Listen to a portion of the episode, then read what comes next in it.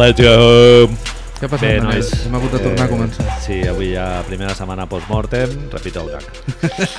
eh, molta calor, cul suat ja... Eh, Heinekens. Cervezas, Heineken, Ah. la, la marca més refrescant que hi ha al mercat, perquè bàsicament no és birra, és com 7-Up, no? 7-Up, eh, sí. No, Per no. cert, l'altre dia al Bigut tenen Túria, eh? Bueno, ells es cuiden d'aquestes coses. Es queden... Sí. Eh, I gent, molta gent va ben vi, Marc, que vaig flipar, ¿Cómo? eh? Sí, sí. Això s'endú... Se lleva ahora. Gent es porta, vi, tio. es porta el rollo vino... Bueno, a ver, un momento. Digas quin anar a veure. Porque Hipsterio... lo entiendo, pero vamos. Hòstia, quina gràcia. És que jo, tio, Marc, mira, és que és una putada perquè ho està escoltant a l'Artur, però és que vaig anar a veure l'Artur veient el Sean, Nic el Sean Nicholas Savage, que és un dia que a mi m'agrada, però bueno, m'agrada dintre uns límits normals.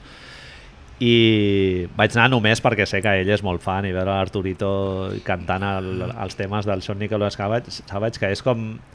Jo crec que la, la definició més adient seria com si el Kenny G tingués veu i, can i cantés cançons i tal, seria similar al Sean Nicholas Savage. Jo, durant una època de la meva vida estava com molt indignat quan des de la independència musical començaven a sortir els grups que de sobte el que feien indie tradicional o, o així se'ls quedava petit, sempre passa que aprenen a tocar una mica més i llavors fan la música que escoltaven els nostres pares, no? Discos Claro. que semblen Dire Straits. Ahí estamos. I jo deia com, hòstia... però- M80, Sí, sí, sí. Christopher Cross, No ho sé, era... Toto. Mo... Sí, sí, que dius, hòstia, i Pitchfork, i tothom, i el Primavera, i tal... I penses, però si això li poso a ma mare, li agrada, saps? nada, els cànons van canviant. Sí, sí, I és la molt- prova és a l'Artur va, va ben vi va ben vi. escoltant el... No, Però no, vi- l'Artur va vi a birra. Eh? ¿Vi ecológico o qué es lo que digo? Hòstia. Está muy de moda el vi ecológico ara, Això eh? ja no ho sé, però molta gent fotent-se vi blanc allà... El pedo más petar. gordo, ¿no? Em sembla. Home, vas molt més ràpid, eh? Exacto. Llegas mucho más ràpid. Vomitera luego allá sota el bigut. Jo vaig dir la frase que ja l'he dit diverses vegades a la meva vida i que és important, això deia el Virgili, no? el filòsof grec, que t'has de conèixer a tu mateix i jo em conec a mi mateix i jo vaig dir la frase fatídica de jo soy de birra, no? la típica frase escarosa de metalero amb la llauna allà par aparentment agafada al d'allò, jo soy de birra. sí. Jo mai de la vida un concert de rock o de pop o de Kenny em demanaria vi, tio. Eh, no, no, no, en un concert no em sembla... Eh, el tema... Podem divagar una mica més encara. Eh, el, tema, Uy, el, tema, Hablando de divagar. Uf. el tema Calimocho, ¿cómo lo llevamos? L'M8 a mi mola. L'has has, has sigut... Però pedal de Calimocho molt poques vegades, haig de dir, eh? Jo he fet... Hi ha un, hi ha un puesto, un puesto a Poble Nou, Bebe Más, que el logo és Pinta una, bé. una B, una B i un símbolo de más, ¿vale? és, és, està l'àrea aquesta de per sota del Raz, un carrer que són tot naus industrials, on posen diversos tipus de música... Bueno, zona influència de Bigut. Sí, eh, més cap a baix, més cap a Vale. baix, més cap a cap als, als bars de nois i noies joves i això. Bebe Mas és un lloc on, a diferència dels altres puestos així de, de, de la zona, ells posen només heavy, vale? com ha de ser, en un sitio d'allà. Tenen un mural molt gran amb l'Eddie d'Iron Maiden fent algú que no sé Dios. quantos. I llavors, l'especialitat del, del, de la casa, diguem-li, és un cubo de la neteja, vale? de, de, de rentar el terra amb calimocho, vale? i te'l serveixen allà, tu dius un cubo, i Uva. placa, te pilles un cubo de fregar, perquè és un cubo de fregar que no sé el nivell de neteja que té, no el saps. Carregat de calimocho, fet, òbviament, Manel, calimocho marca dia, és a dir, vino Don Simón del Más Malo i Coca-Cola dia, i et donen, pues, te dicen, ¿cuántos sois? Ocho.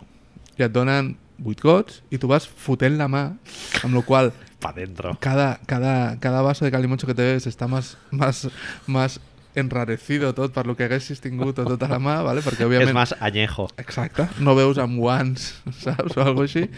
I està molt guai perquè després tenen tenen carta, no, digamos? I en lloc de com l'afluent que tenen vi, llavors dedueixo que l'afluent tindrien, doncs, doncs, hamburgueses, un queso no sé què i tal, allà tenen patates braves amb maionesa i biquinis, només, o algo així, saps? I, Bien. I és no són patates braves, són patates congelades amb un xorraco de maionesa. I és que és mandatorio que amb el cubo t'has de demanar això perquè si no, no sobrevius. Dios. Jo he fet diverses vegades, després d'un concert de... Com es deien? El Mars Volta. Ah? I I... ja fa uns quants anyets, ja. uns quants anyets. I... Les matades quan era celeste. i, i anar amb, amb amics, amb, amb el Joel, i ficant-se a l'autobús dels Mars Volta. Ells, eh, què passa? Saps? Així que, bueno... El después del cubo, no? Exacto. Post, post cubo. Post-cubo és molt duro, bueno, ja està aquí l'anècdota. Ah, igual el grup venia d'aquí, Cube? Cube, era, Cubo. Era el Ah! Cubos? Ei! Catapumcs. doncs no, no, el Sean Nicolas Savage jo crec que li poses calimocho. Bueno, igual sí. Apretado, ¿no? Pantalones apretados... Hòstia, és, Quina és l'estètica, és ara? absolutament impossible descriure l'estampa d'aquest home cantant. No... Està sempre al llindar de, de fotre el ridícul més espantós Bueno, és i de dir, tio, dit pujar a dalt i pillar-li el micro i dir, tio, tirar per l'hotel a i coger o, un- o a l'hostal, on sigui. Però no, no, tio, mola, mola, bueno, no pots parar de mirar-lo. Són cantants aquests com l'Ariel Pink o penya d'aquesta que estàs tot el rato mirant el que fa i deixa de fer, perquè... Ell és... Tenen molta presència. Sí, exacto. Bé, Marc, I, bueno, divaga divagació corta, Manel. Tio, Marc, la, la gent aquesta que arriba a casa teva i que es treu les bambes i va descalç pel, pels puestos, bé. Sí, és que l'altre dia va venir un, un col·lega i em vaig recordar Tu- la teva història. I li vaig dir, no, no, tio, no cal que et treguis, perquè veus que jo vaig amb les bambes per casa, tinc una mica de parquet i tal, i el tio, no, no, No, és que no, estic més estoy, estoy mejor. A més, estoy mejor, estoy más cómodo. Bueno, Ja, pavo, però és que te jo jodes, no és tu casa. T'haig de dir no? per segona vegada que no vull que et treguis les bambes. Fill de puta, que no sé n'has estat, clar. És que això posar... I després, peus a on? Peus a on? Peus a la taula? I estas No, coses? no, no, descalç. Ah, bueno, però s'hauria al sofà o s'hauria algun puesto, no? Mes de juny, temperatura elevada No als hace falta, carrers, no sudoració ràpida i tal, li vaig dir, Falta. no cal... No hace no, falta. No hace falta. No, no, es va, després bona disciplina de peus, diguem, però clar, ja... Tu has patit... És que has patit avions així? Amb viatges d'avions amb... És molt heavy, eh? Jo vaig valorar fer-ho, però no vaig tenir collons, tio. La, el meu índex de repressió... I cine? Hòstia, no, tio, impossible. Cine jo he vist bastants cops. Ah, de- veure penya... Hòstia. No. Jo que sí que faig quan vaig amb moto amb sandàlies, deixo les, deixo les sandàlies a la plataformilla i al I semàfor vas així en plan... poso el peu En sèrio? barefoot. Hòstia, tio. És a dir, George de la jungla. George de la jungla a tope. Sí, sí que sí que un, si alguna vegada em fot una hòstia... Clar, pot passar un cotxe i cada croquer. Tu ets de, llavors tu ets de xancles a l'estiu. Sí, todo lo que se pueda y No lo he más. podido hacer nunca, tío. Jo hi va haver una època a la meva vida que no tolerava anar amb bermudes. Nome, Ah, només jo també, jo si també. anaves a la platja Jo o, també, jo o a la piscina, en condicions molt especials. Però ja, tio, jo ja fa ja 3 o 4 anys, Marc, que... Y camisa de màniga llarga pujada, ¿eh? Es, es decir, pantalons, cu- pantalons llargs i camisa de màniga llarga doblegada. O sigui, camisa de màniga curta mai vaig fer aquella època. Jo camisa de màniga curta n'he tingut alguna, però ja no en tinc, sí. No, m'agrada més llarga, pujada. Sí, sí, però claro, i agost, pantalón largo, Vans, Lucir és lo primero. exacto. Lo altre és de després, però ara ja no. No, tio. no, no, no. Molta calor Ja ja. han fet la ja- George Queso, tío. que ja- vivim a Àfrica. Sí, no, està claro. Bueno. Posarem una musiqueta aquí, no? A sobre. Ponme la cortinilla. La, la, la. Moltes preguntes, eh? Avui em pensava que no en tindria moltes, tio, i m'han sortit unes quantes. Ha sigut una setmana amb fets crucials. És que he fet, la, he fet la pausa perquè és que he estat repassant abans un article molt guai que em vas enviar a Sports Illustrated que sortia com una mena de en relació al draft i tal i quines eren les necessitats de cada equip, quants pics tenien i tal, que en parlarem després i tal i sortia, a cada equip sortia els free agents que tenen i tal Surten, és un, com una mena del resum de com estan els equips ara. Quines són els seus pics, com tu deies, les seves necessitats en quant què és el que hem trobat a faltar aquest any i després, el que tu ben dius, els agentes llibres, no? els agents llibres que tenen de cara a l'any que ve. i els, els he anat apuntant, bueno, a veure, el, jo què sé, hi ha jugadors que no els he apuntat, No que són ja no marginales, t'importa. i, bueno, i també en l'article no surten jugadors com el Ginobili, per exemple, Cierto? que, clar, ningú s'espera que el Ginobili de sobte digui ah, jugo un any més, però no a San Antonio. No, no. Que això el Tony Parker ja ha dit que sí, eh? Ah, sí? Això va ser heavy, eh? Serà heavy, eh? San Antonio serà molt raro, tio. tot el que està... Pot ser que sigui... És, és el declive? De... Home, ja com Popovic digui... No, mira, que jo ja... Però ja has sentit que aquest rumor, Sí, sí. no? De que Dos anys, diuen, en Popovic teoria. 2020 se dedica solo a la selección. Pau Gasol, entrenador-jugador. Hòstia. Hòstia. Home, Pau Gasol jo no tinc cap dubte en el meu cor de que serà entrenador en el futur. Mm, Sí. ¿Sí? No, no es más rollo Buen relaciones... Bueno, president de Catalunya, Generalitat. eh, doncs m'he estat apuntant un llistat molt maco de tots els free agents i tal. Vols que el llegim? O... N'hi ha molts, eh? Yo siempre, yo siempre sigo tu ritmo. Llegim. És que per això he fet la pausa, per dir, hòstia, ho llegim o no ho llegim? Jo crec que s'ha de llegir. Digue'm, digue'm el que tu creguis, clar. I després em dius 5, 5. Però 5 que què? que Clar, creguis que són els més valuosos, diguéssim. Per diverses raons. El... En el número 1, Dwayne Dedmon. no, Vinga, bé, comença, l'article aquest comença Sí, per sí. ordre alfabètic Sí, per sí, Atlanta. No, deixant Dwayne Dedmon, bon jugador, acaba contracte aquest any i tal, és restricted, crec. A veure què fa Atlanta. Jugador valuós. Anem a, fer, anem a fer un repàs a totes... M'estàs dient que anem a fer un repàs a totes les franquícies, Manel? Perquè em sembla bé, eh? No, free agents. Va, els deixo tots a, a Pinyon i... Clar, però sí, no, podem fer això. És que aquestes coses, amics i amigues, segurament les hauríem d'haver parlat abans.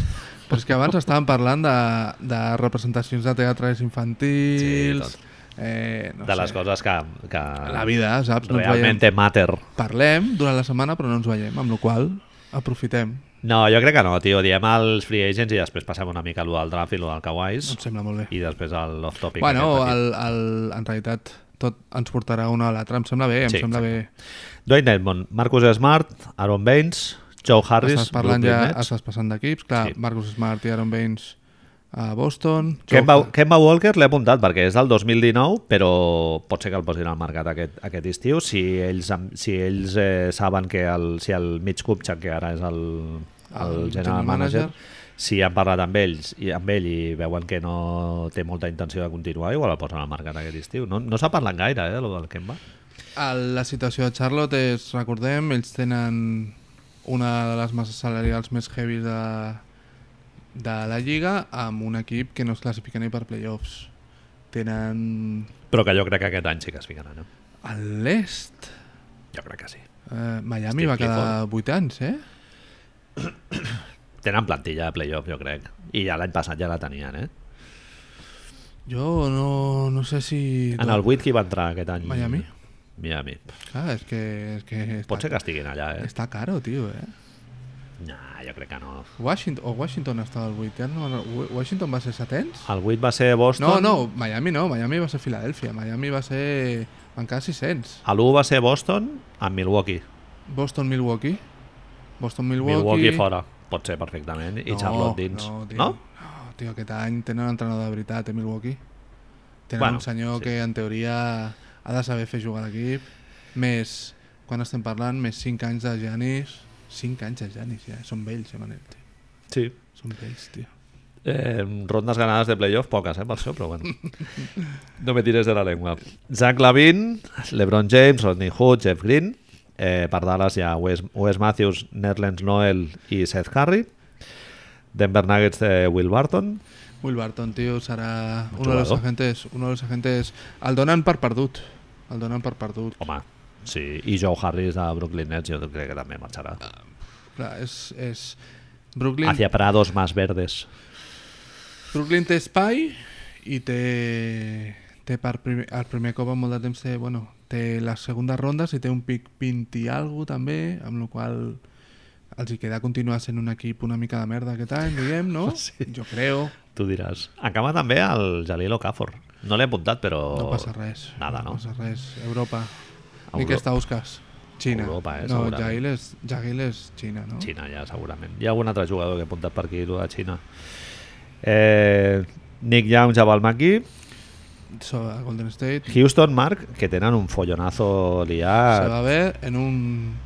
Chris Paul, Clint Capella, restricted, però bueno. Eh, Trevor Ariza, Gerald Green, Luke Mbamute Sí, sí. i Joe Johnson. Mbamute jo no sabia que era Mínim, free agent. mínim un, em sembla que cobra o una, una excepció o era mínim un de veteranos, tio. Era una, una moguda un molt... jugador molt valorat, tio. Però lo del hombro, què? No la tirava nunca, eh, tio? Sí. El, el tio no tenia, tenia la por aquesta de... Però és un problema recurrent, vols dir? En el... Mm, No ho sé, no sé com, com, com ha anat, però, però el que m'has dit, bàsicament, és si, si poses James Harden, si canvies James Harden per Johnson, era un quinteto titular, pràcticament, Mm, de Houston aquest any. Amb la qual sí. el, bàsicament, tot això que estem explicant ara es redueix a, als noms veritablement importants, no? Que és a dir, Paul George, LeBron James, sí, ara te'ls diré. DeMarcus Cousins... Isaiah Thomas. I sobretot, sobretot, sobretot, les especificitats de cada equip concret. És a dir, hi han molt pocs equips amb espai salarial, Jo he fet tota la llista perquè és que em pilla mal de cap perquè hi ha molts jugadors molt, molt atractius. Eh? Thaddeus Young, Wayne Ellington, Wayne Ellington, eh, però- Bielitsa mateix, eh, Paul George, Jeremy Grant... La situació està en que, en, en, en això que diem, hi ha molts pocs equips amb espai salarial. Atlanta, Chicago, serà Los Angeles, òbviament, però Los Angeles pràcticament no compta, perquè si treuen els dos màxims, tothom ja sap que en teoria són per Paul George i per LeBron James. Si LeBron James diu que no, ara estaven dient fins i tot, havien sortien notícies ahir o avui de, de que millor es guardaven un puesto com feien el mateix que han fet aquest any, és fi- fitxar jugadors per, per un any a pastes inhumanes i anar al 2019 per Russell Westbrook o Kevin Love. Mhm. Clay Thompson també és l'altre, però en teoria Clay Thompson farà la renovació. Amb la qual no sé, és, és molt... Tot es redueix, jo crec que serà el... Sobretot Los Angeles serà el... Qui, qui tingui la marxa aquest any, no? És a dir, Però hi ha molts pocs equips amb espai salarial. Eh, molt pocs. Aquest és el Phoenix, problema. Sí, Filadèlfia... sí.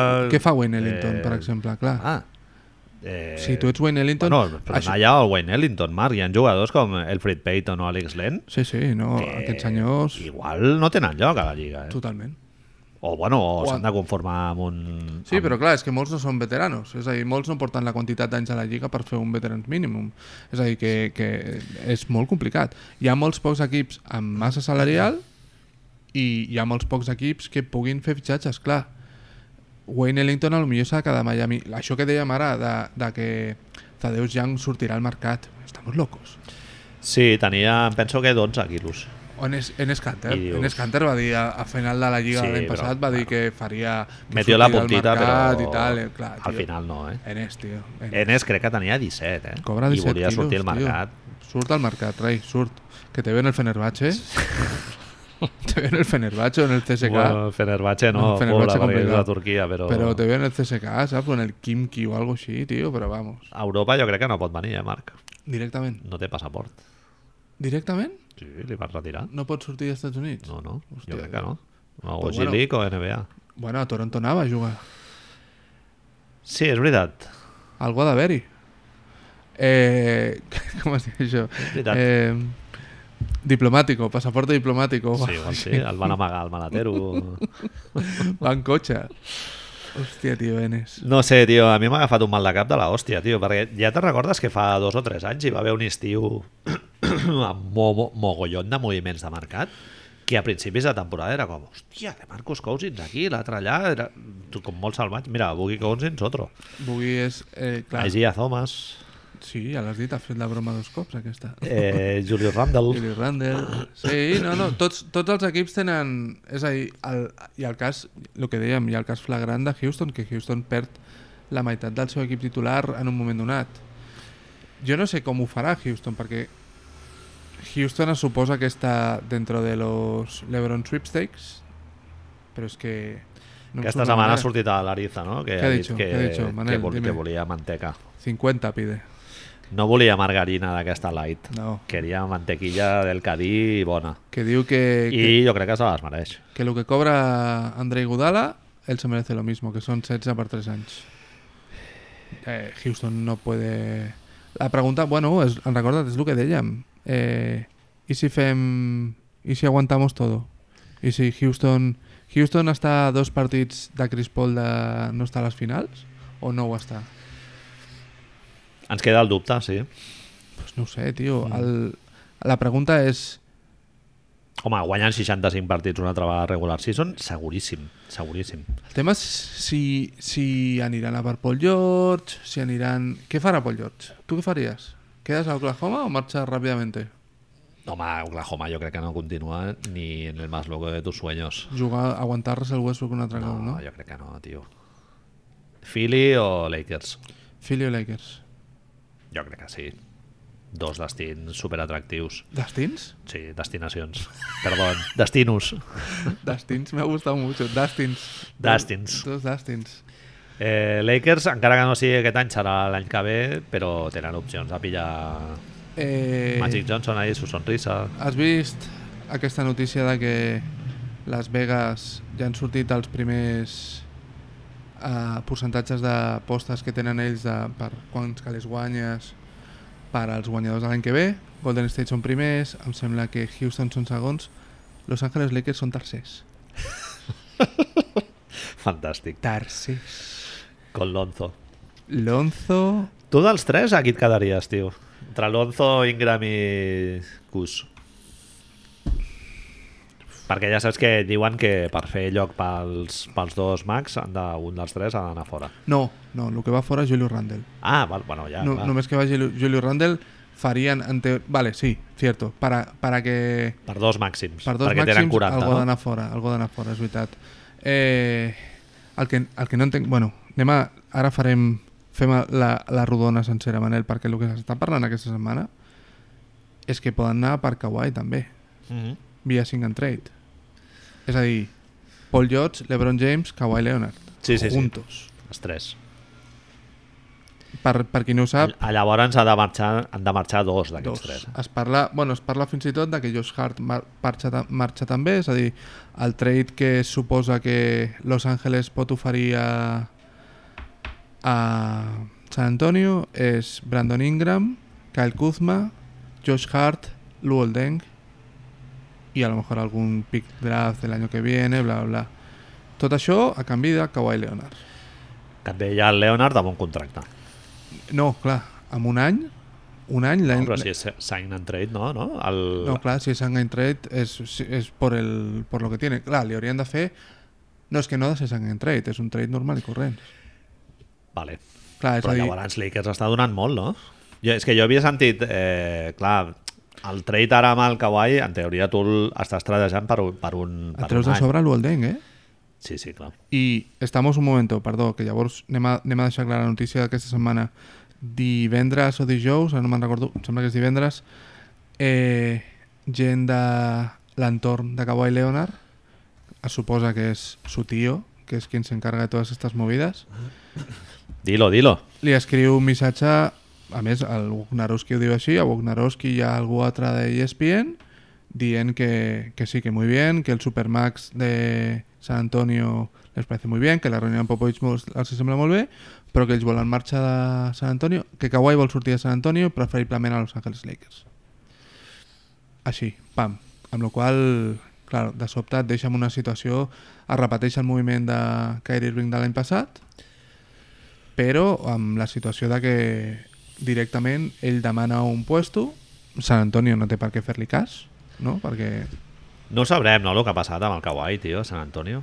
Perquè el Kawhi no rajarà. És un tio super hermético i no està per a la borda d'allò. diuen que és tot Per mèdic. les seves accions ja podem veure una mica que és un tio potser no molt professional o amb pràctiques professionals una mica qüestionables El... i la franquícia no explicarà tota la merda d'aquella en aquest cas, no? Segurament. El, el Jalen Rose, Rose deia al Nadal, han, ara han tornat a sortir aquestes imatges, el Jalen Rose fa... Jalen Rose exjugador de, per qui no ho sàpiga, exjugador d'Indiana, Toronto, el senyor aquí Kobe Bryant li va fotre els 81 punts, un ex... New York Knicks, també. New York Knicks, ex Fab Five, és un dels jugadors universitaris més importants d'Amèrica, va ser part d'aquest equip de Michigan Sí. que el pobre Chris Webber passa a la història per el tiempo muerto. Sí. Doncs ell, ell és ara ana- analista de ESPN i surt a un mogollon de programes i ell sempre eh, s'ha encarregat de donar les seves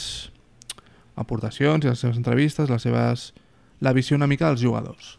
Tenien, quan feien, quan estaven amb el Bill Simmons, tenien un apartat molt xulo on parlaven de què feien els jugadors quan anaven a jugar a la ciutat, quin, quin tipus de divertiment nocturn tenia aquella ciutat, en Atlanta i en Houston els clubs striptease, a Nova York, Miami, Los Angeles les discoteques, etc. No? Doncs el tio explica que la visió del jugador NBA, sobretot dels jugadors joves de San Antonio, és que és un treball. És que és una disciplina militar. I que hi ha molts jugadors que diuen que això no ho volen. Ja, però Kawhi, tio, encaixa en aquest perfil. Però nosaltres creiem que encaixava perquè va arribar i és un tio que porta dos anys i perquè no parli molt no vol dir que digui, hòstia, però què estoy haciendo? Ja, ja. És a dir, Bueno, això és el del Tracy McGrady a Toronto, que també Exacte. el segon any va dir... "Va, Què estoy haciendo?" L'únic que puc fer és dormir 12 hores al dia. a ja les no pistes m'interessa." d'entrenament de, de San Antonio, les neveres de Gatorade, aigua i tot, estan per sobre de no sé quina alçada, els tios per agafar han de fer un salto. És a dir, el Popovich els hi condiciona fins i tot això, saps? És... I està aquesta cosa de que va, va passar, passar una mica amb el Kyrie quan estava a l'Ebron. A San Antonio mai seràs el número 1. Per molt que siguis el número 1, sempre estarà Greg Popovich per sobre teu, sempre estarà San Antonio per sobre teu. I l'ego d'aquests nois a vegades és molt gran, Manel. Acaba de fer fora, acaba de... El tio va, va dir que no a una oferta de renovació de... Ell era de Jordan, de la marca de, de sabatillas de Jordan, y el tío va a decir, no, tronco, yo he sido All-Star tres veces, he sido el NBA, ¿qué mierda es esto? Que no tengo un model propi y que no sé cuántos. I ha dit que no, i no sé amb qui collons està ara, si en Nike o amb Adidas o amb alguna així, però tot, tot el moviment de Kawhi s'està Mal del famoso, Marc. Digue-ho, digue-ho. del famoso. Mal del famoso a Sí, tope si algú et diu- i si borratxera. Si algú et diu Se que sus emborrachó de destinos, balón. sus destinos favoritos son Los Ángeles Lakers y New York Knicks, Ja, vamos, que ya, ya me estás diciendo todo. vols Instagram. Vols Instagram, vols sortir als diaris, vols, vols guanyar calés. A mi m'ha baixat molt de pedestal aquest Molt, a Kawhi molt, Leonard. molt, molt, molt, molt, de tenir-lo un top 5 de la Lliga, tio, un tio que et dona en atac, en defensa i tal. El gif aquell del LeBron mirant enrere en Miami Oh, fuck. fuck, quan surt, saps? Quan, segon any a la Lliga, o primer any a la Lliga, saps? I, i el tio fa... És l'única vegada que l'hem vist fer això a l'Ebron, eh? Home, és el, el jugador que jo he vist que millor ha defensat, amb molta Totalment. diferència, diria. Eh? Totalment, totalment. Per això que, que ha sigut tot molt raro. Es parla molt, Manel, no sé si estaràs al cas o si, si estàs d'acord o no, de diferències mèdiques. Mm -hmm. Es parla molt d'això, no?, de que unos dicen, yo digo i no sé quantos. Su grupo, no? Perquè el, ja ho vam dir en un programa que el Kawhi té el seu grup de metges i tal, i Sant Antonio té l'altre. Clar, és que aquí... El, El... El Markel també... A veure què et sembla això, perquè és curiós i, i que diguis lo del Markel és important en aquest cas. El metge que li està portant la rehabilitació és el cap de Medicina de Filadèlfia. És a dir, que si... Kawhi la Leonard recuperació del Kawhi Leonard. l'està portant, l'està portant dices? el, el cap de Medicina de Filadèlfia 76ers. Me cago en Dios. Això et fa què pensar. És a dir, Fili. bueno, si ell si és important O que aquest any seguirà lesionat. és una cosa que no valorem, eh? és a dir, aquest tio, te'n recordes el que t'ho vaig escriure per via interna? Anthony Davis va arribar un any més tard a la Lliga. Anthony Davis és una persona que, un jugador que nosaltres tenim com, a, com li diuen ells, injury prone, és a dir, que es lesiona, i ha jugat més partits que Kawhi Leonard. Kawhi Leonard ha passat molts partits lesionats Sí. perquè s'ha tirat tot un puto any en blanco, claro. Això li, fa, li resta muchos números. Però sí, aquest any va jugar alguns partidets. 5 partits, No molt bé. no molt bé. 11 punts, percentatges baixos... Moviment, justico, incòmodo, mal body language... Home, body language de merda, com sempre, com sempre no? Sí, però es veu, no? Un jugador incòmodo allà... Ai, no? Què dius? No, quan se'n va cap a la banqueta... No ho sé, tio. Em sembla molt raro. Eh, estan sortint... El tema és que estan sortint molts... Bueno, jo m'he quedat flipant. És a dir, Sacramento ja han dit que volen... Home, a veure, Marc, que el Kawhi Leonard encaixa a qualsevol equip de la Lliga. El tema és... Què, do, què dones, no? Que et demana a San Antonio per un any. Però, Són- bueno, el trade value, una vegada el jugador ja aquest any passat ja havia tingut una experiència molt negativa a l'equip i a sobre quan ell diu que ja se'n vol anar, Quiero pirar. el trade value perquè saben que la franquícia l'ha de moure, o sigui, com sigui. Llavors, el que les franquícies oferiran tampoc no S'estan dient, bojos, no? ara, farem, ara et faig un repasso de les coses que s'estan dient, però... Eh, Perdona, un petit incís. Kawhi Leonard, per contracte, aquest any serà el 45è jugador de la Lliga. O sigui, hi ha 44 tios, no sé si ho has llegit més. això, 44 tios que cobren més que el Kawhi Leonard. sí, sí, sí. Hi ha un altre punt, que es, es suposava que en San Antonio tenia la sartén por el mango, en aquest punt, que és que com Kawhi Leonard eh, ha sigut l'NBA, ha sigut l'Star i tota la història, Sí, li, el- li poden oferir un Supermax. Un Supermax són 220 quilos. El màxim que cobrarà Ja, a qualsevol dels equips que el renovin són 140. Però és un tio potencialment molt tòxic, eh, Marc? Al I, vestidor. I te dic una cosa, No, no sé, jo igual sóc molt més de Popovich del que jo em pensava, però, clar, donar-li un Supermax a un tio que en un moment de la, de la seva carrera, tio, jo no tinc implicació en una franquícia, Però- però a fotre aquest- a playoff jo no vaig al camp, en aquest moment fins i em tot nego a jugar, bàsicament, no? Però serà jove, és a dir, encara el pots... pot tenir valor amb un, amb un intercanvi, amb un trade. Però és que ara mateix és... A mi hi ha una cosa que em preocupa, de veritat. I si la lesió és sèria? Clar, aquest és el tema. I si, I si San Antonio diu, pues sabes qué? Uns, no voy a gastarme 220 kilos en un Sí, tío sí, que a lo millor normal. es tira dos anys Que ells hagin vist que el del turmell és més sèrio. I si diuen, hòstia, cuidao, que aquí hi ha algo que no, no estem dient, ningú està parlant d'aquestes coses. Clar, I si tu dius que és damage goods, eh, llavors sí que el trade value Es suposa- baixa, baixa Totalment. radicalment. I es suposa, tornem a, a dir un altre cop, que, bueno, suposa no, perquè a Sant Antoni ja ho han dit, que aquest, aquesta filtració és via, via Kawhi Leonard. Mhm. És a dir, no és que San Antonio digui hemos hablado y lo que És se... palabra de Woj, Exacto. no? És a dir, se supone que és un missatge a Bognarowski i a Samuel, no sé qui és, el Mark Stein o algú altre dels periodistes coneguts als Estats Units, Xarània. uno d'estos que els diuen tu, que no seguimos. Jo crec que tota la lliga, tio, totes les franquícies miren de, de pillar-lo. Gent que ha dit ja, No? gent que s'ha dit Los Angeles Lakers, òbviament, New York Knicks per part d'ell, eh, Sacramento ha dit que està allà, Home, Sacramento està desesperat per portar algú... Phoenix ha dit que està allà, Què més teníem? Jo he sentit Milwaukee. Milwaukee, Jabari Parker i l'elec- l'elecció d'aquest any que tenen, no sé si és el 17. 13, sí, 13, 17. 17.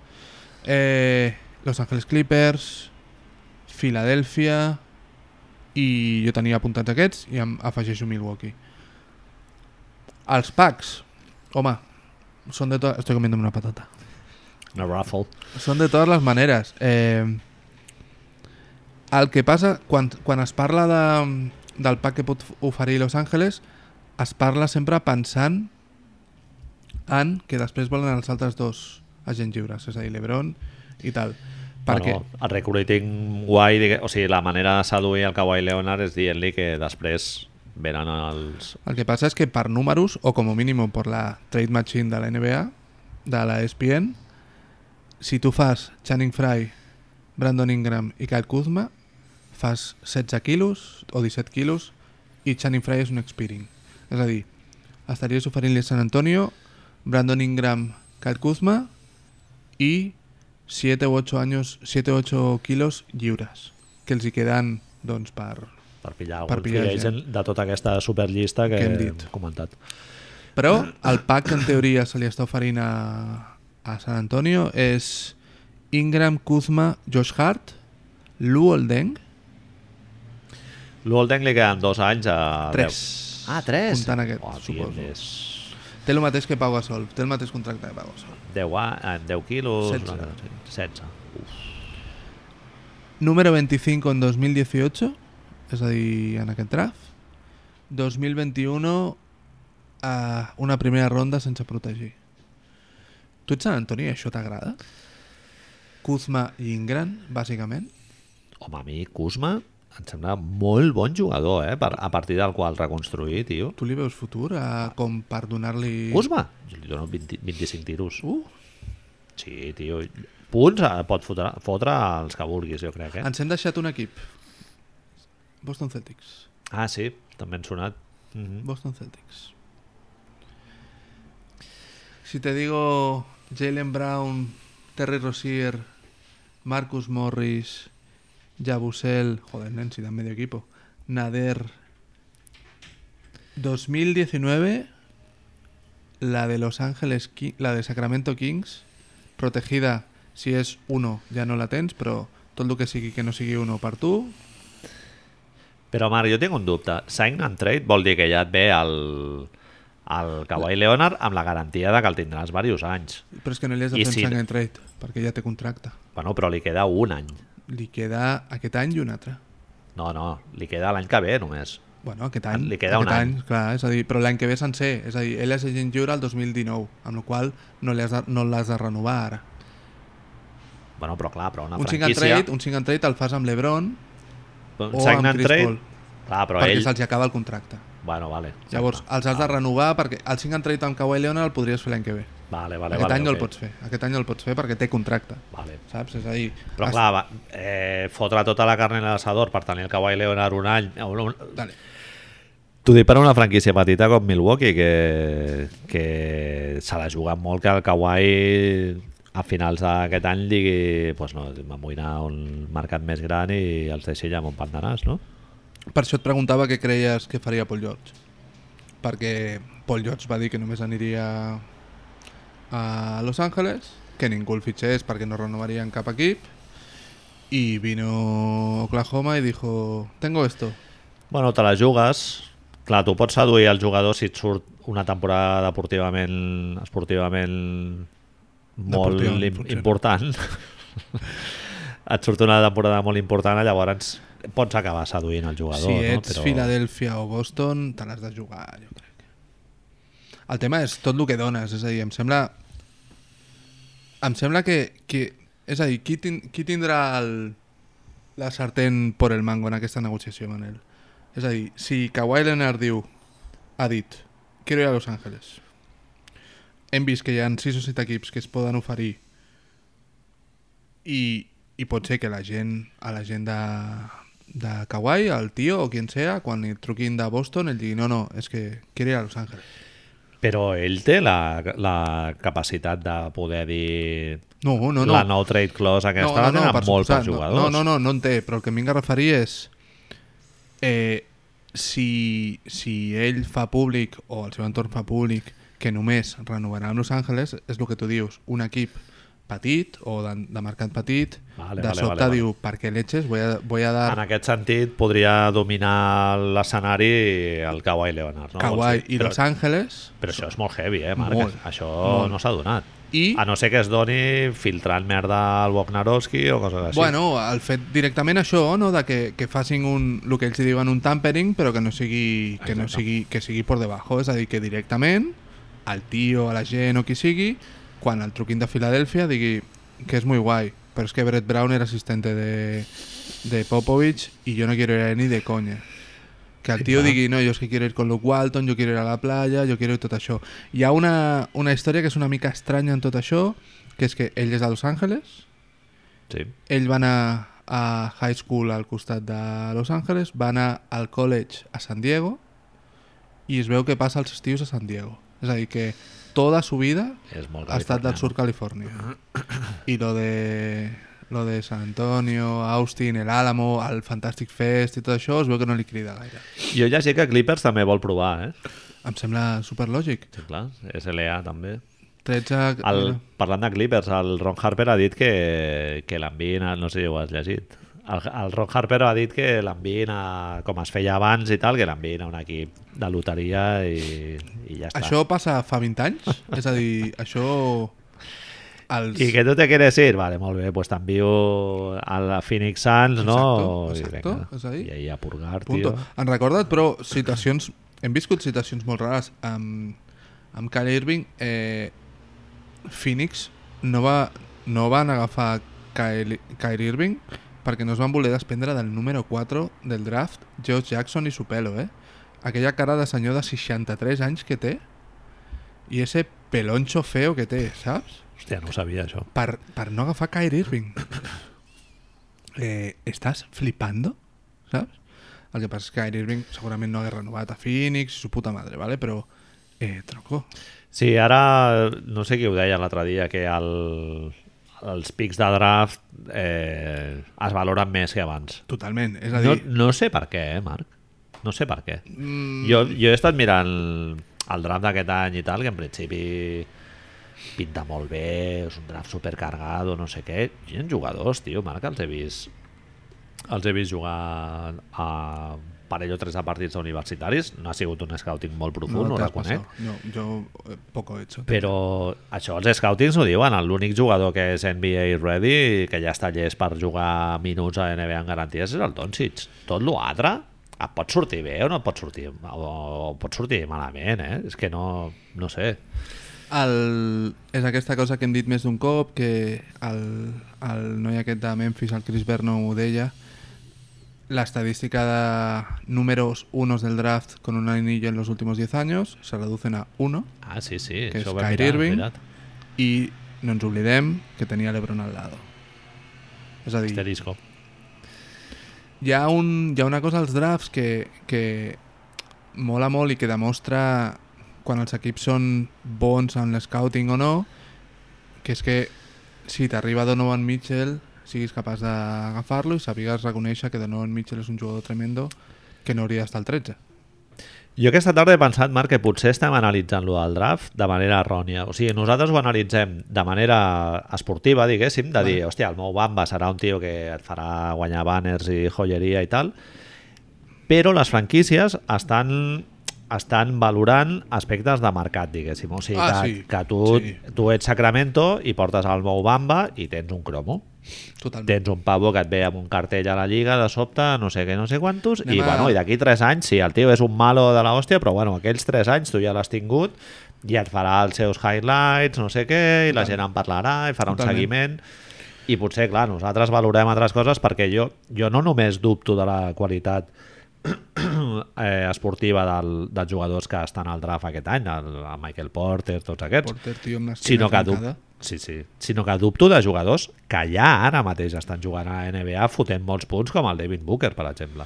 Ja. A, mi, a mi, tios, que a, una, a un equip de loteria et foten 25 punts, Sí, sí, ja és... Bueno, Mm, bueno, per- Warriors. Sí. per una franquícia va molt bé perquè tens un jugador franquícia i no sé què. S'han de vendre samarretes, Manel, Però i bueno. És una cosa que a És Miami, a Memphis, ho saben molt, s'ha d'omplir el pavellón. Sí, sí, S'ha d'omplir el pavellón. certament. El cemento... Uy, perdón.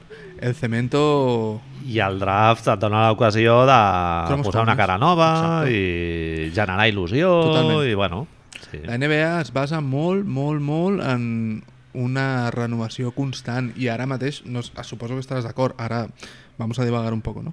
Però des de que hi ha Twitter, la NBA s'ha convertit en Sí. un món que genera informació, sembla, sembla un, un món informatiu per se, diguem-li, que no que va a, a un ritme i a una velocitat diferent dels altres i sempre ha d'estar generant continguts. I Jo sempre... mai, mai he seguit el draft tant com aquest any. És Lo de la NBA nunca para, que és una que fot molta ràbia quan Molta ja ràbia. el d'allò. No, és que nunca para, que no sé què. A 12 estem- month sport, li Però és diuen que ja. realment, Sí, tio... sí, sí. Estarem a l'agost a Cubelles y nos estaremos enviando mensajes. A l'hora de fer el pipi al matí, mirant Sí, allà sí, a veure sí. què passa. Nos estaremos enviando mensajes de que si, si no sé quién se ha hecho fotos con no sé quién en Instagram. A més, situacions que Vull dius... que ens ha deixat de seguir els Pelicans a Instagram, no sé què. Dius, hòstia. Tu t'imagines... Això és ara mundo viejuno, ¿vale? però fa 20 anys d'això, 30 anys, quan, jo què sé, això, Larry Bird de sobte s'enfadava amb Kate McHale. Ara, Bueno, això ho deia la, la Doris Burke l'altre dia, no? parlant del LeBron James, de el que li va passar a les finals, del punyetasso que li va fotre a la A la pissarra, pissarra i, i tal. tal, que clar, el nivell d'escrutini al que es sotmeten el, els jugadors ara mateix, el LeBron James, tio, des de que jugava a l'institut ja tenia un seguiment de la hòstia. Es mira amb lupa tot el que fan i deixen de fer. Clar, no sé. Bueno, eh, aquest any hem vist... Hem parlat de lo de Kevin Love, l'atac d'ansietat, hem parlat de Mar de Rose en les crisis d'ansietat, hem Sí, vist a un noi de 19 anys passar de ser número 1 del draft a de sobte no saber tirar. Sí, sí. Allò és un problema mental, totalment, No saber tirar. De muscle Bueno, pot ser, pot, memory. ser, pot ser moltes coses, però està clar que quan tu veus la imatge del tio que et grava a l'entrenament perquè la veus, saps? pues, hòstia, t'ha d'afectar això. I quan et diuen, quan veus que el teu nom portes un any a la, a la, a la franquícia, ets el número 1 del draft, i lo, la gent nomi- només que fa parlar d'Anthony Bennett, Milicic, de, de, ja t'estan fotent a tots els packs quan hi ha un trade per qualsevol jugador. Eh, tios, m'heu confiat, Sí, sí, saps? Sóc el vostre heavy. futur, pràcticament. És molt heavy, sí, sí. Jo tot el, tot el volum d'informació que genera al voltant de la Lliga i tal és super entertaining, super entertaining i ajuda realment A vendre la marca. a consolidar la Sí, marca sí, sí. I, el, i el branding i a, i a totes les coses aquestes que fan tan nefàstic però, però clar, també té els seus inconvenients sobretot per la gent que... Aquest, no ens oblidem, té 19 anys, eh? Té 20 anys. Tu, tu amb 20 anys t'imagines estar sotmès a aquest escrutini, tio? Jo no sé si me daria para mucho de la vida. És que... Ni, el, ni els 19 ni els 44 que són els que tinc Ah. ara, Marc, a mi em poses la lupa a sobre i ja et dic jo que no la passo, eh? Però, Jo hòstia, avui m'he discutit amb un tio per, per una maniobra i tal que sortiria a Twitter a tot arreu i ja em cancel·larien el contracte. clar, tio, és que dius... Hòstia, el, ara no em surt el nom, però el paio aquest de Milwaukee que, que li van fer un positiu de, de marihuana, que va deixar de jugar. Sí, a l'Ojay Mayo. A l'Oji Maya no, l'altre, l'Alto, tio. El... Ah, el Henson. No, no, no, és igual. Ah, Ara el, el ah, no, buscarem. no, hòstia, sí, sí. Un tio amb ulleres que el volien els Warriors també. Eh, és que no m'estranya, tio. El Pau ja està a la Lliga, ha cobrat ja el primer contracte anual, de, Clar el que primer, sí. els primers 5 anys els va cobrar així. En realitat no has de fer gaire més a la vida. I a més a més, Marc, són pavos que bàs- bàsicament a la seva vida han jugat a bàsquet i a sobre ja venen d'un entorn cultural no molt estimulant, en el No. que no han tingut No, models d'educació molt consolidats, en ni aquest a nivell sentit- familiar, ni d'amics, ni de societat, ni res, no? I... En aquest sentit, és maco veure que, per exemple, a Mobamba, que és un dels que parlem molt, li agrada els escacs, es veu que li agrada molt jugar a escacs i tot això. Hòstia, Mou Bamba, Marc, fot una pinta, tio... T'ha gustant, eh? a mi... Trabuco molt gordo, Es eh? veu, que, es veu que, a més, això és com... Jo li, vaig llegir una entrevista i vaig veure, el vaig veure un seguiment que li feien un dia, així de la seva vida, i se'l veia cabal. Se'l veia cabal. Cabeza bien amueblada, no? Sí. Un Jo, tio, tinc, tinc aquí una pregunta, tio. Jo mai he vist un tio de 7 peus 2 pulgades amb un 7-10 de wingspan que té, que és si lo una traduces absolutament... son en, de, de Això envergadura són- son 2.30 y algo, ¿no? O així? Sí, 7-10 no sé quants són. 7, 7 peus són 2-15, Pues- pues, fuà, tio, no sé. Envergadura, No és sé a com dir, brazos abiertos de lado a lado, el tio ocupa, Et tapa tota la zona. bàsicament. Però que a més tira triples, Sí, enxufa bon- triples. bon Juga triples. de l'aro que flipes, en transició ha fet un dels mates mata. més increïbles d'aquesta temporada. Sí. No, no sé si és un mate un tap que el fa a rotllo per sobre del quadradet. Jo, Marc, és que jo he vist diversos ja previews d'aquests perquè tinc molta curiositat eh, pel Mobamba, que pot ser un matat de la vida, eh, sí, sí, pot totalment. ser, pot ser. Però és que jo crec que des del Liu Alcindor que jo no veig un tio tan gran, tan Físicament. mòbil, físicament, tan àgil, mòbil, joc de peus... L'últim que havíem vist era senyors grans, no? El model Embiid, el model Shaquille Sí, O'Neal. em, Aquest Embiid senyor no. pot- també ho he pensat que l'Embiid podria ser eh, una mica, Però però, és, senyor és bastant és més ràpid, to- eh? Sí, és que és més fi que l'Embiid. L'Embiid és molt més totxo, molt més corpulent. El, el, el Bamba és un tio molt més mòbil. Sí, eh, es parla, avui hi havia, no sé on sentia o llegia una teoria de que... A veure què et sembla. I després et recupero una cosa que he pensat del Doncic abans. Eh, la NBA, els equips que ara estan en posicions altes del draft, que no siguin els equips que poden tradejar per Phoenix o Sacramento, no? els equips que ara estan guanyant, en realitat estan pensant a 3, a 3 anys vista. A 3, 4 anys... És a dir, quan s'acabi la finestra dels Warriors ara mateix. vale? Bé, bé, Warriors Houston, perquè ens entenguem. Ara mateix es veu que hi ha una corrent, diuen la gent que, que parla amb els general managers i aquestes coses a la Lliga, que diu que això de l'small ball està molt bé, això de fer servir a PJ Tucker de pivot quan és un tio que fa dos metres o no sé si els fa eh, està molt bé però que si de sobte tens 4 dels 5 tios per sobre dels 2, 2, 10 que puguin canviar totes les posicions i que puguin tirar triples, doncs millor no pots... Draymond Green, perquè ens Estic entenguem, totalment d'acord, no podria defensar a DeAndre Ayton i Mobamba a la vegada. Eh, o sí, perquè ho li hem vist fer. Però Draymond Green de 35 anys, poder no. Estic totalment d'acord. Sí, és el que, el que parlàvem del mid-range, no? també, que el mid-range també hi ha molta gent que ja des del punt de vista estadístic el dona com a Muerto. mort, però hi ha jugadors que treuen molt de profit al mid-range, llavors eh, bueno, a l'average igual no serà un tiro molt abusat, però si hi ha un tio que, com, el, com el Kevin Durant que et matxaca des del mid-range perquè va, deixa sempre, de va sempre al seu puesto. i, el, i a l'Envit, jo crec que els, els, els, hi va, els hi va faltar jugar amb més decisió al, al poste. Sí, i bueno, i Boston ha jugat molt al poste baix. amb Moltíssim. el- Van veure les estadístiques quan van fer l'anàlisi i van veure que era l'equip que més jugava al poste. Sí. Clar, jo tinc curiositat per veure com evoluciona la cosa. No? Jugadors que a mi em semblen molt vàlids i que encara tenen bàsquet a dins, com el Marc Gasol, per exemple, hem parlat aquest matí i tal. Mm. Eh, tinc curiositat per veure com, com avancen a, La a la situació Lliga és i tal. com deixa aquesta possible evolució en 3-4 anys, com deixa en posició... Que silencios, eh, hacemos a veces. Eh. en quin lloc deixa els Stephen Curry, Kyrie Irving del món?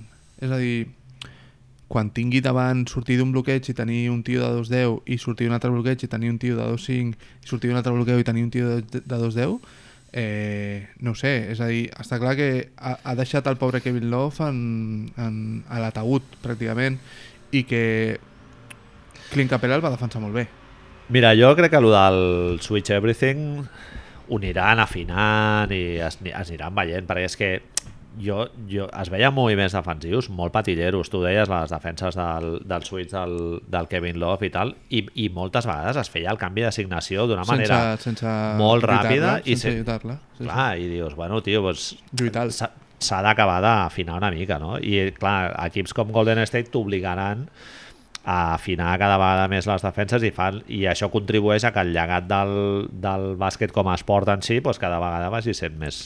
El tema és si et pots, Més plantar, et pots plantar en un equip amb el que l'Ebron sigui el teu tio, si no més baix, el teu segon tio més baix. Un tio de 2-3 que de sobte és el teu escolta, està defensant a Clay Thompson, saps? Clar, el, llavors això ha d'obligar a que no poden fer el, el canvi d'assignació, el switch que li diem tan així a la directa, perquè si et surt un tio com el Mobamba, con los brazos que té i tot això, I que és un tio mòbil. exacte. El Gobert també és un tio raonablement mòbil. El tema és que Gobert és el que no entenc. Serà... Jo el que vull veure amb tots aquests nois és si, si ofensivament són capaços de fer alguna que no sigui només anar al poste. Clar, Perquè i, Gobert- I matxacar globitos. Gobert, eh, no ho sé, Capella ja hem vist les estadístiques un milió de cops, no? que el 96% dels seus tiros seran assistits. Però Marc, el tema és eh, en quin tipus de llançament tu trauràs un percentatge més alt de- d'encerts, no? I si tu fotent globitos, eh, clar, això sí que és analítics puro i duro, tio. Si, si l'equip veu que és forçar la penetració del, del teu point guard, diguéssim, i, i si no, doblar globito, això et dona més rendiment que jugar un atac estàtic amb una pilota al pal baix, doncs ho seguiran fent així. Està molt bé que diguem point guard i globito a la vegada. Clar, però el tema és que al govern, si li dones la pilota al pal baix, no treu Ell no molta cosa. Però l'Envit sí, Embiid sí. i el Margasol també. Embiid de cara fins i tot a la línia de 3 també pot fer coses, Marc pot fer Ah. coses. La pregunta és si aquests nois tan grans que estem veient, és que em sobta que hi ha molts tios molt grans aquest any al draft i, sí. i, No és un draft de playmakers, eh? Ni de... i el que estem veient és que el bàsquet ara mateix està sent una altra cosa, està sent James Harden, està sent Stephen Curry, està sent Kevin Durant, està, està sent Draymond Green, està sent gent que, com li diuen ells, positionless, no? sense una posició clara, Sí. que es pot Molt moure per diferents posicions. En canvi, Embiid només pot jugar d'una posició, sí, totalment. que és de hombre alto, eh, diguem-nos-le. Gobert només pot jugar d'una cosa. Tot i que són... Passa... Marc Gasol, per exemple, és més passador. Marc Gasol podria tenir posició amb un altre tio alt a la vegada. Al Horford. El Horford és un tio que pot jugar... De 3 no et podrà jugar, però de 4 i de 5 pot jugar. Sí, ara mateix els Warriors estan marcant un patró de joc que és més de buscar la versatili- versatilitat i tot això, però bueno, això, no, això no té per què ser... No, totalment. No té per què totalment. ser Ha d'haver-hi... Eh, bueno, hi ha una raó molt lògica per creure que això no serà així, que és father time, no? Digamos. El, aquests senyors es faran grans i hi haurà un moment en el que pues, no podran defensar ser tan versàtils, no podran defensar tant, eh, no podran passar tots els switches, tot el que tu quieras. Bueno, i perquè els altres equips, a base de jugar contra ells, aniran a l'escouting, anirà avançant mica en mica, es aniran veient escletxes en, el, en aquest sistema i al final pues, A mi tot so- això es millorarà, eh? sortirà un equip que jugarà encara millor. Em sobta el... Sent molt optimistes, perquè si no... Sí, es, es suposa... Ja, em sembla que vam arribar a parlar, no? És a dir, creiem que les, les alternatives als Warriors i als Houston Rockets del futur estan a l'est, no? Diríem que Boston i Filadèlfia Sí, són els que futur, més sí. posicions tenen per estar allà. Indiana. Mola no, bastante. tio, Miles, Miles Turner i Víctor. Home, jo, Víctor, creo sempre, sí. Tio, Tu creus que ha...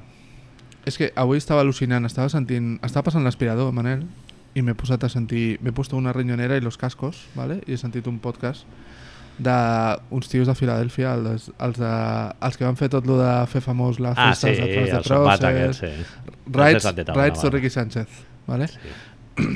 I bàsicament m'ha sobtat una cosa que, que veig que fan molt els americans, tio, que és... Estan parlant de Doncic, ¿vale? Bàsicament, per què t'explico això? La cosa que t'he explicat aquest matí, no? Que diuen que David Griffin, el ex-general manager dels Cleveland Cavaliers, ha dit en una entrevista que ell creu o sap que Philadelphia 76ers està intentant arribar al top 5 del draft, als top 5 dels jugadors. Ara mateix era l'11, crec, o... 10, el 10 o 11, sí, 10 diria. Eh, perdoneu que no, sem, que no siguem tan... No, t'ho dic, dic ara mateix. Però és que, Però és que Filadèlfia té 10, eh, 6 pics. 6 pics. El primer és el 10, El 10. després tenen el 26 i ja després rondes baixes, eh? 38, 39, 56, 60. Doncs David Griffin, retomem ex-general manager de Cleveland Cleveland Cavaliers i ara mateix analista i podcaster i mierdes vàries, com nosaltres, vamos, eh, diu que Filadèlfia vol arribar, vol arribar al top 5 i la pregunta que es fan aquests nois és qui és el jugador que volen Filadèlfia. Sent, com hem dit, un draft amb tats homes alts, l'únic nom que surt és Luka Doncic. Lo cual nos ha puesto el trabuco bastante pernambucano. Sí. Pensar en Luka Doncic en Filadelfia es como... "Brr". Tot el que no sigui Phoenix, Sacramento, Por favor, por favor. o por favor. Orlando, amb tot el dolor de mi corazón. Ho sentim. Però eh, Doncic en Filadelfia, camiseta, ¿eh? Comprando... Eh, hombre, hombre, hombre. I tot això no sé per què venia, Manel. Sí, eh... T'ho deia perquè... Això, vale, la percepció. Sí, lo dels, lo dels jugadors alts. Estan i... parlant, estan parlant els nois això, diuen que és, ha de ser Doncic, ha de ser Doncic, ha de ser Doncic, suposem que ha de ser Doncic, i surt a col·lació dos coses sobre Doncic, no? que és el que se li critica una mica. La falta d'atleticisme que diuen ells, la falta de poderío físic respecte a altres jugadors que estan en el draft, etc. I com el seu tiro exterior ha baixat meteòricament durant aquest últim any, durant Sí. aquests últims 3-4 mesos. Però jo això a mi m'ha sorprès, Marc, que ningú hagi dit que el Doncic aquest any ha jugat generant ell el joc. L'any passat jugava amb el Sergio. Exacto. Ah, a veure, això no és el mateix arribar a tu i haver, i haver de generar i tal. És com si tu agafes el JC Carroll i li dius, vale, aquest any jugues tu de playmaker. El pues que- el JC Carroll no enxufarà tant, això és de calaix. A Eslovènia jugava amb Goran Dragic, amb la qual li treia responsabilitats. No ens oblidem que té 19 anys. ¿vale? Llavors, el, se li està aixecando això, la falta de consistència en el tiro durant aquests últims 4 o 5 mesos i les seves habilitats físiques i llavors el que diuen el, els americans és eh, claro, es que no va ser tu número uno, tu jugador que li dones la pilota al final del partit, el qual em sobta perquè el Madrid ho és i, i a la selecció pot ser, però i després, ara et, et faig per què t'estic parlant d'això, eh? després es posen a parlar d'altres jugadors que si no fan el, això de pujar en el draft els hi podrien interessar i comencen a parlar de, hòstia, tu creus que aquest jugador pot guanyar bote, pot millorar amb el tiro, pot no sé quantos, és a dir, parlen de lo que ells hi diuen a l'upgrade, la capacitat de millora de jugadors més grans que Doncic, de 22 anys i tot això, però en canvi a Doncic no se li permet la Ja capacitat de millora. Eh, gilipollas, tiene 19 años. Sí, sí. Home, és un tio que encara pot estar creixent com a jugador i tant. I físicament, fins i tot, pràcticament. Sí, a més, un, un tio... És que especialment, clar, jo... Jo, més que al punt de vista atlètic, crec que un jugador té més marge de millora com més IQ té. I la té tota. La, intel·li- el coeficient d'intel·ligència bas basquetbolístic és el que et dona la capacitat de llegir el joc, adaptar-te a noves situacions, creus? no? desenvolupar el joc, de pick and roll... Tu no creus que hi ha una mena de endogàmia estranya, una, una barreja entre endogàmia xeno- molt americana, xenofòbia. xenofòbia, Sí. i després una por real a que tots els top 5 europeus del draft, excepte Pau Gasol, han sigut un desastre? Milicic, Barjanis, etc. Clar, Pau Gasol és... Però és que entenc això, entenc, entenc que parlin de Milicic o de, o de Barjani, però em sobta que no parlin de Pau Gasol, llavors. Pau Gasol és un top 3. Sí. A veure, jo ja... Parlant d'això del Doncic i tal, a mi hi ha un factor que em preocupa, que és que la Lliga realment, si tu mires a l'All-Star, hi ha pocs jugadors que, que no siguin molt atlètics, eh? James Harden. pocs. Sí, el Kevin Love, per exemple. James Harden, tio. És, Sí. és una molt bona comparació, eh? Hòstia, el... Té 19 anys. el Harden té unes cames, tio. Però té 19 anys, tio, és el que hem dit. Sí, no, fet- no. El, el, ja pot agafar un físic lo suficientment bo com per compensar-ho amb una Físic, IQ de a dir, si l'hòstia. Tony Allen, tio, ha estat a la Lliga tant de temps, tio, no, no estarà a Doncic, tio, és... Sí, però Marc, però nosaltres vam veure el Rudi Fernández, el Sergio i tal. Eh, al Doncic se li demanarà més que no, que no sigui un xatxo, eh? Clar, i tu quan pilles un tio al 2, al 3, eh, perquè l'1 ja sembla clar que serà. Dayton. Sí, sí, està clar que... Però no ho sé, és a dir, si, si un tio que amb 19 anys ha guanyat tot el que ha guanyat Doncic, ja només per això, 19 anys em sembla un jugador per fer encara.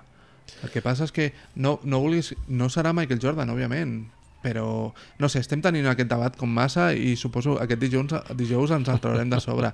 Però una de les opcions és que, Sí. que acabi a Luka Doncic acabi en un equip on pugui créixer com a jugador ja sigui Filadèlfia ja sigui Boston o, ojo, San Antonio Sí, i Luka Doncic en, con Greg Popovich és una movida muy gorda, eh? Sí, pot ser guai. És una movida muy gorda. Jo crec que el Doncic potencialment es pot veure molt perjudicat per un escenari que és eh, anar a un equip com Sacramento, Phoenix, Has vist les allò, fotos? en els que sigui una franquícia a no competir No competir. i que li diguin volem que fotis 22 punts per partit. Aquest escenari, el Doncic, No jo crec que el happen. mataria. En canvi, si el portes a un contender en el que ell pugui ja aportar des del principi, Sí, sí, sí. Eh, en colors. S'han fet fotos durant el, les finals del de, primer partit a Madrid. Eh, Vivek Radanek i Vlade Divac, el propietari i el general manager de, de Sacramento, es van fer una foto amb Luka Doncic com dient que, que feia molt mala pinta perquè no s'han fet una foto amb cap altre jugador, saps? I amb Luka Doncic. Jo crec que sí que la farà Sacramento. Però vols dir que no que igual no el posen al mercat? Sí, no, no. És, el tema Perquè és que... Sacramento és que necessiten Star Power com sigui, eh? Però Sortir... si, si, el tema és si que en teoria diuen que pot ser incompatible amb Darren Fox. I Totalment. Bueno, incompatible. El que pot jugar sense la pilota. És com dir que sobre el paper no, no seria compatible amb el Sergio Llull i són fets, fets made in heaven, tio. És, és tremendo. És a dir, Darren no, Fox... veig, no veig igual, tio. No veig igual. Però per de El- mèrito de Darren Fox, Sí. no per de mèrito de Sí, Luka Doncic. Llavors, posa al mercat a Darren Fox Sí, totalment. Home, Ja està? vamos. és que ja està. El que passa és que llavors el, els teus millors jugadors són Bogdanovic i Doncic, clar. I, I la NBA tampoc es pot permetre tot això, No. segurament. No? No, no, això... A mi m'ha sobtat molt el que et deia abans. No, no sé si dir-li xenofòbia directament, però aquesta desconsideració cap a un xaval que nosaltres, com a mínim, l'hem vist a un nivell com feia molt de temps que no vèiem, jo no recordo, des del Pau Gasol no recordo una, un cas similar. Sí, sí, no... I, i, i jo què sé, tio. No, han arribat jugadors europeus amb una capacitat d'aportar al joc col·lectiu, col·lectivament, diguéssim, el Bielitsa, el, el Sí, sí, Saric, sí. amb molts jugadors europeus, però a nivell de, de dir, hòstia, aquest tio serà un dels dos o tres millors jugadors del seu equip, com el Exacte, Doncic, exacte. eh, jo crec que no, fa, fa molt de temps que no... Sí, des del Pau Gasol, segurament. Sí, sí, és ell. I, i a Salt Sibella, no sé, tenen un algo similar amb això, amb... Llámale lo que quieras, eh? llámale sensacions, digue-li el que vulguis, eh? Però tenen, tenen algo diferent. Jo crec que els americans també, el fet de que un tio... Tu mires els highlights del, del Mou Bamba i t'explota el melón. Mires els highlights del Doncic i veus un tio que juga molt bé el pick and roll, que t'enxufa triples eh, d'allò, guanya partits, i, però, però no et fot uns highlights de la hòstia. I això, tio, eh, en el bàsquet com a espectacle, que és, el, que sí, és la NBA... sí, però, però el bàsquet... Bueno, és que estem ja estem fent una mica de divagança. Ja, divagança? Existiria això? Divagància. Però, és a dir, Curry i Harden han canviat com és el bàsquet. Ara, des de fa 5 anys ja no se trata de meter mate, se trata de meterla cuanto más lejos posible. I a lo millor no és la virtut més gran de Doncic, però quan sento, sento això, no és com el Michael Porter Jr. que té l'esquena que no sap si la té bé o no la té bé, Hòstia. i dius, però bueno, alguien la va coger de verdad tan arriba? Un tio que... Porter Junior jo l'he vist jugar i, no... i el xaval aquest de Michigan, de Michigan que sona molt també que, Jaren algú, Jackson. que molts, molts mocs els, el donen al 3 jo tio, Jaren Jackson Mar no sé si és Jaren Jackson, eh? però crec que sí. Marvin Chaval. Bagley també, el Mar Marvin Bagley, és a dir, tu li mires partits o els partits, clar, només ha highlights a YouTube, el que fa és posar-se a esquenes, girar-se i meter-la. Eh, ¿Puedes hacer algo más, por favor? igual et pot sortir bé però és que igual és un Justice Winslow eh? És Però que no, Justin no sé Winslow, com a mínim, té, té més IQ, això que dius tu, Sí, saps? bueno, té, té una capacitat sí. basquetbolística molt més gran que aquests nois. a mi hi ha un tio que, ju- que, que m'engresca molt Marc, que és el Trey Young tio Sí? I hi ha molta penya, tio, que no, que no li dona el Trey Young, tio. És, és una metralleta. És un És- tio que a- pot fotre 25 punts per partit És el, tranquil·lament. que, és el que té el que, et dic, No? el que et deia ara, el canvi de paradigma al bàsquet, és a dir, Rapidíssim. petitó, Llançament exterior de la hòstia, sí, molt petit. petitó. És Però bueno, eh, si el protegeixes bé defensivament, de, tenir, de jugar amb un 2 que complementi en defensa i tal, Alguien tipo Frank Antiquilina, ¿no? Porque, porque se huele, Sí, sí. se huele, ha sonat, sí, se està al huele que 7-8. lo tienes en casa, eh. Hòstia, molaria molt. Se huele que lo tienes en casa. Trey Young, tio, és, és tirar la moneda a l'aire, eh, aquest pavo. Totalment. Però, tio, no sé, pot sortir molt bé, eh, el Trey Young. Récord d'assistències a la NCA, récord d'anotació, tio. Si lo que queréis és això, és vendre samarretes. Ah, I sobretot, il·lusionar a la gent, tio. Funcionar. Clar, és a dir, jo crec, entenc, jo llegeixo el discurs de, de la gent amb Michael Porter Jr. sobretot, perquè Michael Porter Jr. des de des del high school la gent està molt boja amb ell, entenc això, el fet de... Es, hemo, lo hemos visto en YouTube crecer ya y lo vamos, va a aterrizar a casa nostra, saps? I, i, i el que passa amb Doncic és que, òbviament, aquests nois no l'han vist jugar i perquè no miren el bàsquet de fora d'ells i, i el bàsquet universitari és, crida molt l'atenció allà Bueno, hi ha molt de hype, eh, el Doncic també. El que passa que sí que és veritat que és, és, min, és minoritari perquè és per entesos, diguéssim. Sí. Sí. És gent d'Estats Units que ha estat veient... però quan directament ells et diuen que l'Euroliga és la segona millor lliga del món hi ha molta gent que li fa mal això pel bàsquet universitari saps? Abans hem, hem dit xenòfobia però segurament no és això és, és, és algú més de això de Bueno, de que el bàsquet és d'ells. Make America ells- Great Again clar. sí, és El, una el bàsquet és l'esport d'ells sí. i, la, i la NCA... Bueno, a mi, a mi no em semblaria cap disbarat dir que és la segona millor lliga del món, eh? El que passa que a nivell de competitivitat i de... Madrid agafa a qualsevol Hombre, equip de la NCA i és històrica, eh? Clar, és que són xavals. A part. Són xavals, però és una lliga que té molt d'encant, tio, Sí, igualment. sí, sí, és i molt maco. El a 16 és tremendo. El funciona 16 molt és tremendo. El Sweet 16 Hi ha mo- és meravellós. Tenen un pes de tradició de l'hòstia, És és, una lliga és més o menys amateur. Més o menys. més o menys. Però sí, sí, està clar que és una lliga molt més competitiva l'Eurolliga. Sí, i, i exigent físicament també, clar. Jo lo, lo de el Doncic eh, no té capacitat atlètica m'agradaria veure-ho. Porta 94 partits en aquesta temporada. Ah, Eh? tio, a fer, Ah, de a Andre Ayton. Eurolliga. De Andre Ayton no va jugar ni 30. Tio. Clar.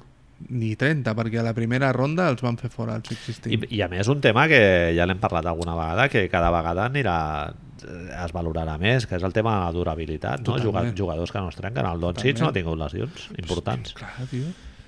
I, I estem parlant de que de Andre Ayton, que és un tio molt gran, molt gran, pràcticament no ha tingut rival, rivals similars a ell a, a, a tota la seva carrera esportiva. En canvi, aquest noi ha jugat la- l'Eurolliga contra Calates, contra tots els huevos més peludos de, de l'Eurolliga, ha jugat a l'Eurobàsquet contra, hòstia, tio, la, la gent que s'ha hagut de barallar ja, tio, contra Espanya mateix, saps? És que no... Sí, sí, i el tio s'ha sabut fer el, el hueco i anar guanyant. Semblem un disco rayado, saps? Sí. I s'acabarà la setmana que ve tot això, Manel, Pray així que Doncic. no, no hay nada más, tio. Pray Ja, ja ho hem fet, ja ho hem fet. Eh, Què et queda amb el Tintero? Jesús Tintero. Jesús Tintero. Que buena esta, eh? Sí, em queda lo dels, lo dels mock drafts, Marc. què, què em vols dir dels mock draft? Tinc un dubte. Això què ho fa? Eh, què fan? El pulpo Pol, tio, fa allà d'allò... Perquè, clar, aquesta setmana estem mirant mock drafts, tio, del Mou Bamba. Hi ha gent que el dona al 2, altres que el donen al 6, al El- 7, al 8. Doncic, eh, he llegit algun mock draft al 5. És molt Altres que guai. el donen al 2 ja segur, Sacramento... El tio aquest de... El Kevin O'Connor, el tio de Ringer, li van explicar, li van preguntar precisament això en un podcast, li van dir, hòstia, ¿pero esto qué es? De que es por mis cojones, yo pongo esto y sigo con esto. Quina valoració segueix a l'hora de... I el tio parla que hi ha les dues tendències. Hi ha Vull una... dir, hi ha, hi ha alguna mena de veure fonament d'analítics, Veure diguéssim? els, veure els partits. És scouting puro i duro. veure els partits.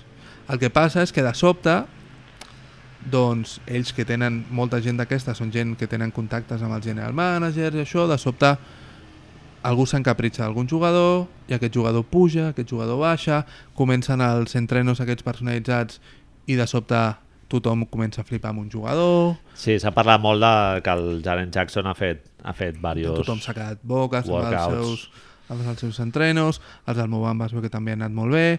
Què passa amb el mateix? Michael Porter, què està passant? Va cancel·lar uns entrenos per problemes mèdics, que és com, hòstia, tio, ja està, saps? I de sobte els ha hagut de tornar a fer, els va, els va posat un altre cop. Llavors hi ha, hi ha una part, clar, és que suposo que nosaltres, com el ser una mica neòfits, o almenys jo, a la NCA, té això, és a dir, jo no segueixo el torneig al nivell que, que el segueixen ells i no et dones compte perquè són 30 partits el que serveixen per 30, 30 partits, en el cas de Michael Porter Jr. són dos de torneig de NCA més els All Americans els, All NBA, els McDonald's All Stars aquests i la carrera a high school tot això canviarà molt, Manel, ara quan en el 2021, no sé si has vist això que Sí, és sí. el que diu que es podrà escollir high school directament Clar. Clar, seran encara menys fets els jugadors. Si no ets l'Ebron, òbviament, clar. Sí. Jo penso que el del mock draft ho hem de posar en un context de una societat de la informació que necessita generar volum Contingut, i, contingut, contingut. i feed de Twitter i de Facebook i de su Y puta mira madre, las i venga. comparaciones, y Michael Porter Jr. es, en el mejor de los casos, Kevin Durant, en el pitjor Rudy Gay, i dius... mm, generar sí, no debat sembla i vinga cap aquí, cap allà, i ara l'este, i ara els Celtics volen anar pel Mobamba, i ara se pueden mover, i ara no sé quantos, sí, sí, és acollonant. És- Falten quatre dies, tio, la Sí. setmana que ve a valorar el draft. Sí, farem, farem una... No sé. Jo el que espero, de veritat, és que hi hagin, hi hagin trades, hi hagin intercanvis, hi hagin... Això, mogudes. El que més m'agrada del draft és això, és a dir, la salsa rosa, tio. Sí, Boston a priori no- sembla un equip que s'hagi estigui obligat a, a moure's per buscar talent jove, perquè en tenen a saco, però sí. al tenir-lo al Rocier així a l'aire, el Marcus Marcus Smart que també baixa, Kyrie Irving que també s'està rumorejant molt, Marc, que no, que no estan aconseguint arrencar-li la renovació. Nova I, York, i, si, dir, no? I si no li... Sí, sí, es comenta Està Nova passant York. con Nova York, tio. Kawhi. Leonard i Kyrie Irving a Nova York? Sempre surt això. I m'ha estranyat que no hagi sortit lo al LeBron James, eh? No, bueno, en Scanter. Pero, eh, nada. Però... Eh, però clar, Boston, si, si es planta amb això, que no poden, amb el Terry Sí, Rozier no li sí. podran renovar, el Kyrie Irving saben que marxarà i tal, doncs igual sí que es belluguen per... El que passa és que Boston té el pic de l'any que ve dels Kings, de l'any que ve, que quizá no és... El... és brutal perquè a més els americans tenen aquesta cosa que és super rara que dius, hòstia, però queden 4 dies, ¿vale? I si et fixes, el dia següent del draft ja surt el primer mock draft de l'any que ve. ¿vale? Ja estan parlant a les classes de l'any que ve, que si Cam Newton, el canadenc aquest, que si Zion Ah, Thomas... sí, és bon xaval. Ah, sí, sí, és sí, bon. però dius, eh, pavos, Bona pinta. tio, però que, que, que, Ah, que nada, queden que quatre ge- dies, saps? Anem a esperar... generar. No, generar, és el que tu dius, que generar, generar. ya Y ya se está dient que dius, pero si no les habéis visto jugar ni un partido, tío, habéis visto highlights de YouTube, ja s'està dient que el, que el, el draft de l'any que ve no serà tan potent com el d'aquest any i si a lo millor Boston li pot interessar treure's els pics que té l'any que ve, el dels Grizzlies i el dels Kings, aquest any, per moure's, pujar, bla, bla. Troncos, tio. Dejadnos I descansar. espera't al marca que, Ja, que et posin Home, ara faci el, xaval, el xaval aquest del Bascònia, el Vilonza aquest, o com es digui. Va al draft? Aquest segur que sortirà alguna quiniela de que se va cap, cap aquí. Què farà Calderas, tio? Jo crec que un any més el té, no? Espero. Home, a, NBA. a Cleveland complicat, Si el té però... Tony Parker. Sí, no, Home, jo, totalment. jo ara mateix, entre Tony Parker i Calderón, Camiseta de los Warriors, tío. Esa camiseta de los Warriors de Calderón era maca, tío. pot anar. No pot anar, no pot anar per calés. No? pot, no, no, no poden, pel veteran mínim... És que tenen el Queen Cook. Han tancat el Queen Cook i jo crec que els Warriors aniran a... Va dir el... Ojo, eh? Va dir el, el Bob Meyers a, allà que volia, Hòstia. volien rejuvenir-se, a part de meter la pata bastante. Però tu creus que és per tant? Et sembla tan ofensiu? No, no, no, a veure, a mi em va semblar molt ofensiu. No et sembla que s'ha fet Però més de... Està molt clar que va ser un patinazo de... Ara a hacer la gracieta. I, I no epic fail... Vamos a explicarlo a la... Al, a la... Com seria? La rua de celebració dels La Warriors. desfilada. La desfilada. Al final de la rua sempre es fa uns parlaments i el presentador de la rua d'aquests parlaments és el comentarista dels partits dels Warriors eh, quan s'escolta com a local i està entrevistant a Steve Kerr i a Bob Myers, el general manager, entrenador i general manager respectivament, i en un moment donat li treuen això de que va dir en la roda de premsa final de, de després de guanyar el títol, va dir això que Kevin Durant podia demanar el que volgués per renovar, que li donarien. I llavors fa la bromita, que, que diu Manel, a veure com és, algo així no, com... hòstia, no me'n recordo. com El tio diu algo com... Eh, vas dir, li pregunten, vas dir que com Stephen Curry podia demanar el que volgués? I llavors el, diu, el tio diu no. Rient-se, ja, ja, ja, ja, ja Stephen Curry és un warrior des del principi Kevin Durant no pot demanar el mateix. Ja veurem el que fem, no sé quantos. I les càmeres l'enfoquen a Kevin Durant i Kevin Durant mira com cap a baix. I es veu que el problema està en que el, el Fitzdale, el senyor aquest que comenta, es diu Fitzdale també, el que comenta els Warriors, segueix amb una altra broma i la cosa s'allarga, saps això? Sí, sí, el sí. monòlogo de José Mota, que de sobte un gag dura 10 minutos. Pues... Molt, va ser una mica incòmodo, però sí, jo crec que ho has de posar en el context aquest del, del roasting Sí, d'allà als Estats Units, que és, el, que és el rotllo aquest que es foten unes punyalades, tio, de la Exacto, hòstia, que exacto. aquí a Europa no s'entenen molt bé, No, no. però allà, bueno, estan acostumats a destripar-se així. Jordan Bell baixant de l'autobús a buscar una ampolla de Hennessy. Hennessy li, ha, li ha enviat no sé quantes ampolles, botella he dit, eh? Li han dit quantes ampolles de Hennessy, els tios ha fe, els ha fet mogollon de publicitat, estan encantats amb ell. Jordan Bell, tio, nuestro héroe. Està de moda, Sí, sí, lo, lo, lo del geni. Sí, sí. Molt bé, Marc. Pues fem una parada de ronda o continuamos ya aquí directamente con el siguiente tema. Continuem, si vols. Venga, total, ja perquè fet... no, no hi ha més Heineken, ja. No, a més, hem, fet una, hem hagut de fer una parada tècnica abans que espero que no es noti. Ens hem begut els tres quintos de Heineken com si fos És lo que tiene ser Heineken. un, un gotet de... Si hagués d'escollir entre Heineken i Budweiser, què esculls? Hòstia. Budweiser de calle, eh? Sí, jo de crec que calle, també. tio. Sí, jo crec que també. Pff, això, tio. No hi ha quintos de Budweiser. No. Els I de americans... Heineken tampoc. Això és un quinto. Ah, eh, perdó. ja, a Amèrica, lo del quinto no, Hòstia, ja tengo vídeo, tio. no ho han descobert. El Raül ens demanava vídeo. Ens demanava els birregais parlant un altre cop. Ah, és veritat. A veure si podem fer-ne. Les hot takes.